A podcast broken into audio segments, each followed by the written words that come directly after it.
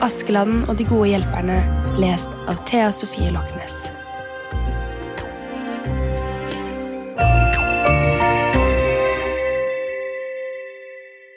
Det var en gang en konge, og den kongen hadde hørt tale om et skip som gikk like fort til lands som til vanns. Så ville han også ha et slikt et, og til den som kunne bygge det, lovte han ut kongsdatteren og halve kongeriket. Og det lyste han opp på kirkebakken ved alle kirkesogn hele landet over. Det var mange som prøvde, må vite, for halve riket kunne vært godt å ha, mente de vel, og kongsdatteren kunne være bra å ta attpå. Men ille gikk det med de fleste. Så var det de tre brødre borti en skogbygd. Den eldste het Per, og den andre het Pål, og den yngste het Espen Askeladd. Av det han alltid satt og grov og raket i asken. Men den søndagen da det ble lyst opp om skipet som kongen ville ha, var det som av en hendelse at han var ved kirken, han også. Da han kom hjem og fortalte det, ba Per, som var den eldste, mor si om niste, for nå ville han i veien og prøve om han ikke kunne bygge skipet og vinne kongsdatteren og halve riket. Da han hadde fått nisteskreppen, strøk han av gårde. På veien så møtte han en gammel mann som var så kroket og stakkarslig. Hvor skal du hen? sa mannen. Jeg skal bort i skogen og gjøre trau til far min, han liker ikke å ete i lag med oss andre, sa Per. Og trau skal det bli, sa mannen. Hva har du i sekken din? spurte mannen. Møkk, sa Per. Møkk skal det bli, sa mannen. Så strøk han Per bort i eikeskogen og hugget og tømret alt det han vant. Men alt han hugget og alt han tømret, så ble det ikke annet enn trau og trau. Og da det led til middag, skulle han ha noe å leve av og tok opp nistesekken sin. Men det var ikke mat, det som var i nistesekken. Da han nå ikke hadde noe å leve av og det ikke gikk likere med tømringen, ble han lei av arbeidet, tok øksen og sekken på nakken og strøk hjem til humor igjen. Så ville han Pål i veien, og friste om han ikke hadde lykke til å bygge skip og vinne kongsdatteren og halve kongeriket. Han ba mor si om niste, og da han hadde fått den, tok han sekken på nakken og la av gårde ut i marken. På veien møtte han en gammel mann som var så kroket og stakkarslig. Hvor skal du hen? sa mannen. Åh, jeg skal bort til skogen og gjøre grisetrau til den vesle grisungen vår, sa Pål. Grisetrau skal det bli, sa mannen. Hva har du i sekken din? spurte mannen. Møkk, sa Pål. Møkk skal det bli, sa mannen. Så strøk han Pål bort i skogen til å hugge og tømre alt han orket. Men hvordan han hugget og hvordan han arbeidet, så ble det ikke annet enn tauemner og grisetrau. Han ga seg ikke enda, han drev på til langt utpå ettermiddagen før han tenkte på å få seg litt mat og da ble han så sulten med ett at han måtte ha matsekken frem. Men da han tok den opp, var det ikke matsmulen i sekken. Paul ble så sint at han vrengte sekken og slo den mot en stubbe, tok øksen og strøk av skogen og hjem igjen med det samme. Da Paul hadde kommet hjem, ville Askeladden i veien og ba moren om niste. Kanskje kunne jeg være kar til å få bygget skip og vinne kongsdatteren og halve riket, sa han. Ja, det var liktig det, sa moren. Du ser ut til å vinne kongsdatteren og halve riket, du, skal jeg tro. Du som aldri gjør annet enn å rote og rake i aska. Nei, du får ikke noe niste, sa kjerringa. Askeladden ga seg ikke for det. Han ba så lenge at han fikk lov til sist. Niste fikk han ikke, var det likt seg det, men han lurte med seg et par havrelefser og en doven øltår og la av gårde. Da han hadde gått en stund, møtte han denne samme gamle kallen, som var så kroket og ussel og stakkarslig. Hvor skal du hen? sa mannen. Åh, eh, jeg skulle til skogs, om det kunne høve seg, og bygge skip som går like godt til land som til vanns, sa Askeladden. For eh, kongen har lyst opp at den som kan bygge et slikt skip, skal få kongsdatteren og halve riket, sa han. «Mm, hva har du i sekken din? spurte mannen. Åh, det er ikke stort å tale om. Det skulle nå være niste, svarte Askeladden. Gir du meg litt av nisten din, skal jeg hjelpe deg, sa mannen. Gjerne det, sa Askeladden, men det er ikke annet enn to havrelefser og en doven øltår. Det var det samme hva det var, bare han fikk det, skulle han nok hjelpe ham. Da de kom opp til gamleiken i skogen, så sa mannen, Nå skal du hugge ut en flis, og den skal du sette inn igjen som den har sittet, og når du har gjort det, kan du legge deg til å sove. Ja, Askeladden gjorde som han sa. Han la seg til å sove, og i søvne syntes han han hørte det hugget og hamret og tømret og saget og snekret, men våken, det kunne han ikke bli før mannen vekket ham. Da sto skipet fullt ferdig jevnsides med eiken.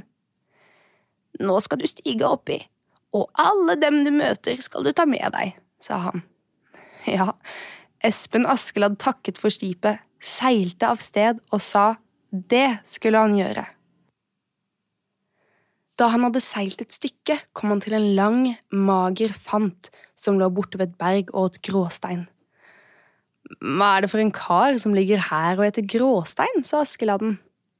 Jo, han var så kjøttsulten at han aldri kunne få metten sin, derfor var han nødt til å ete Gråstein, sa han, og så ba han om han kunne få lov til å være med på skipet. Ja, vil du være med, så stig på, sa Askeladden. Ja, det ville han, og så tok han med noen store gråsteiner til Niste.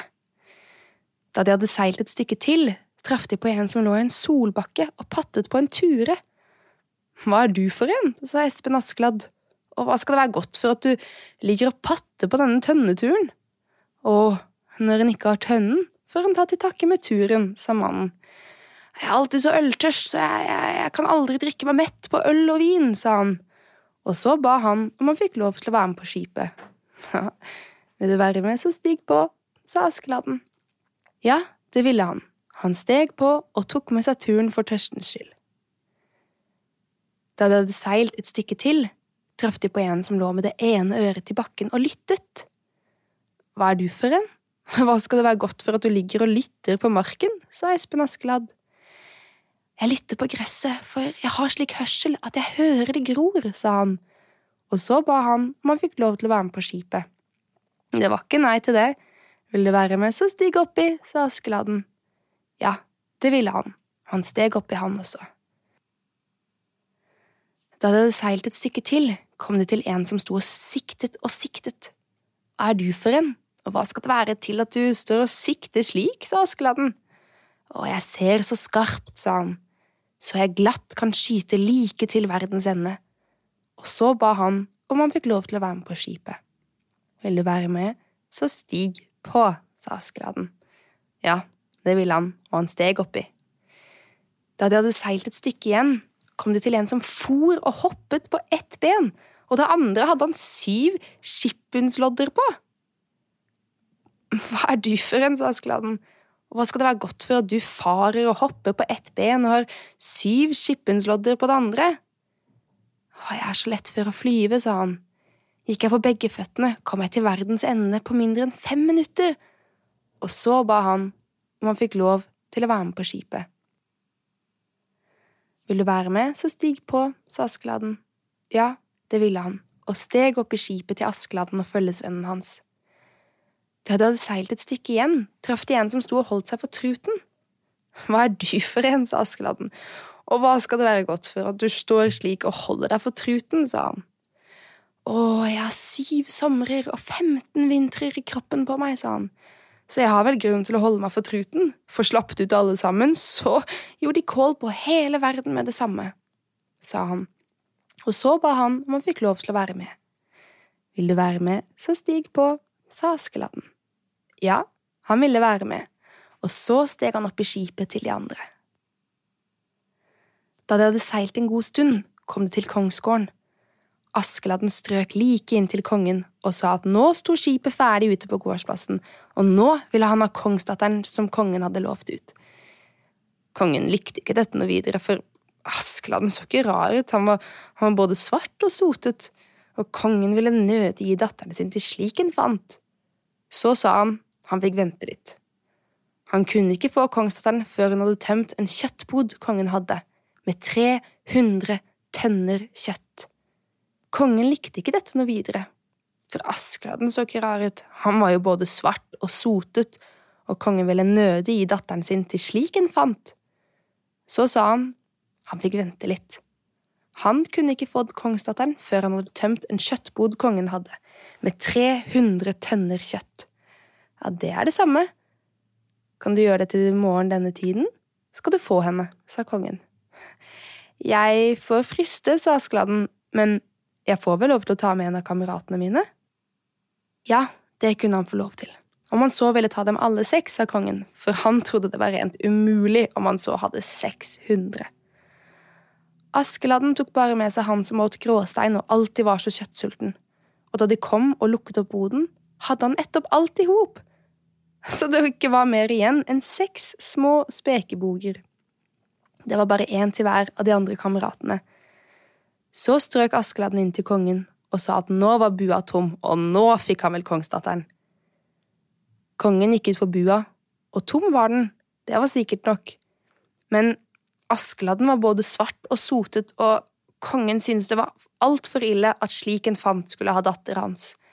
Så sa han at han hadde en kjeller full av øl og gammel vin, 300 tønner av hvert slag, som han ville ha drukket opp først. Og det er det samme, er du klar til å trykke dem opp til i morgen denne tiden, så skal du få henne, sa kongen. Ja, jeg får friste, sa Askeladden, men jeg får vel ta meg en av kameratene mine, sa han. Ja, gjerne det, sa kongen. Han mente han hadde så meget øl og vin at det skulle bli velberget alle syv. Ja, gjerne det, sa kongen. Han mente han hadde så meget øl og vin at de skulle bli velberget alle syv. Askeladden tok med han som pattet på turen og alltid var så øltørst, og så låste kongen dem ned i kjelleren. Der drakk han tønne etter tønne, så lenge det var noe igjen men på den siste sparte han en tår, så det kunne være som et par potter til manns til hver av kameratene. Om morgenen lukket de opp kjelleren, og med det samme strøk Askeladden inn til kongen og sa han var ferdig med ølet og vinen. Nå fikk han vel latterans som han hadde lovt.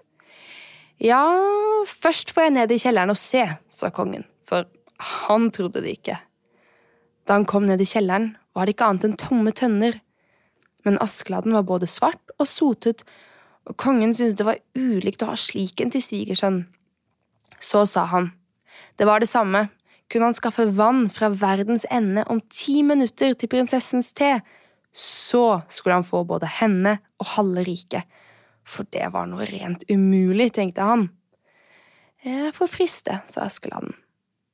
Så fikk han fatt på han som hinket på ett ben og hadde syv skippunslodder på det andre og sa at han fikk spenne av loddene og bruke begge benene sine så fort han kunne, for han skulle ha vann fra verdens ende til kongsdatterens te om ti minutter.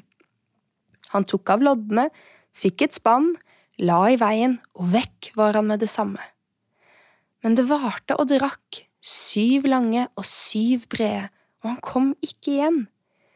Til sist var det ikke mer enn tre minutter til tiden var ute, og kongen var så velnøyd som han hadde fått en mark.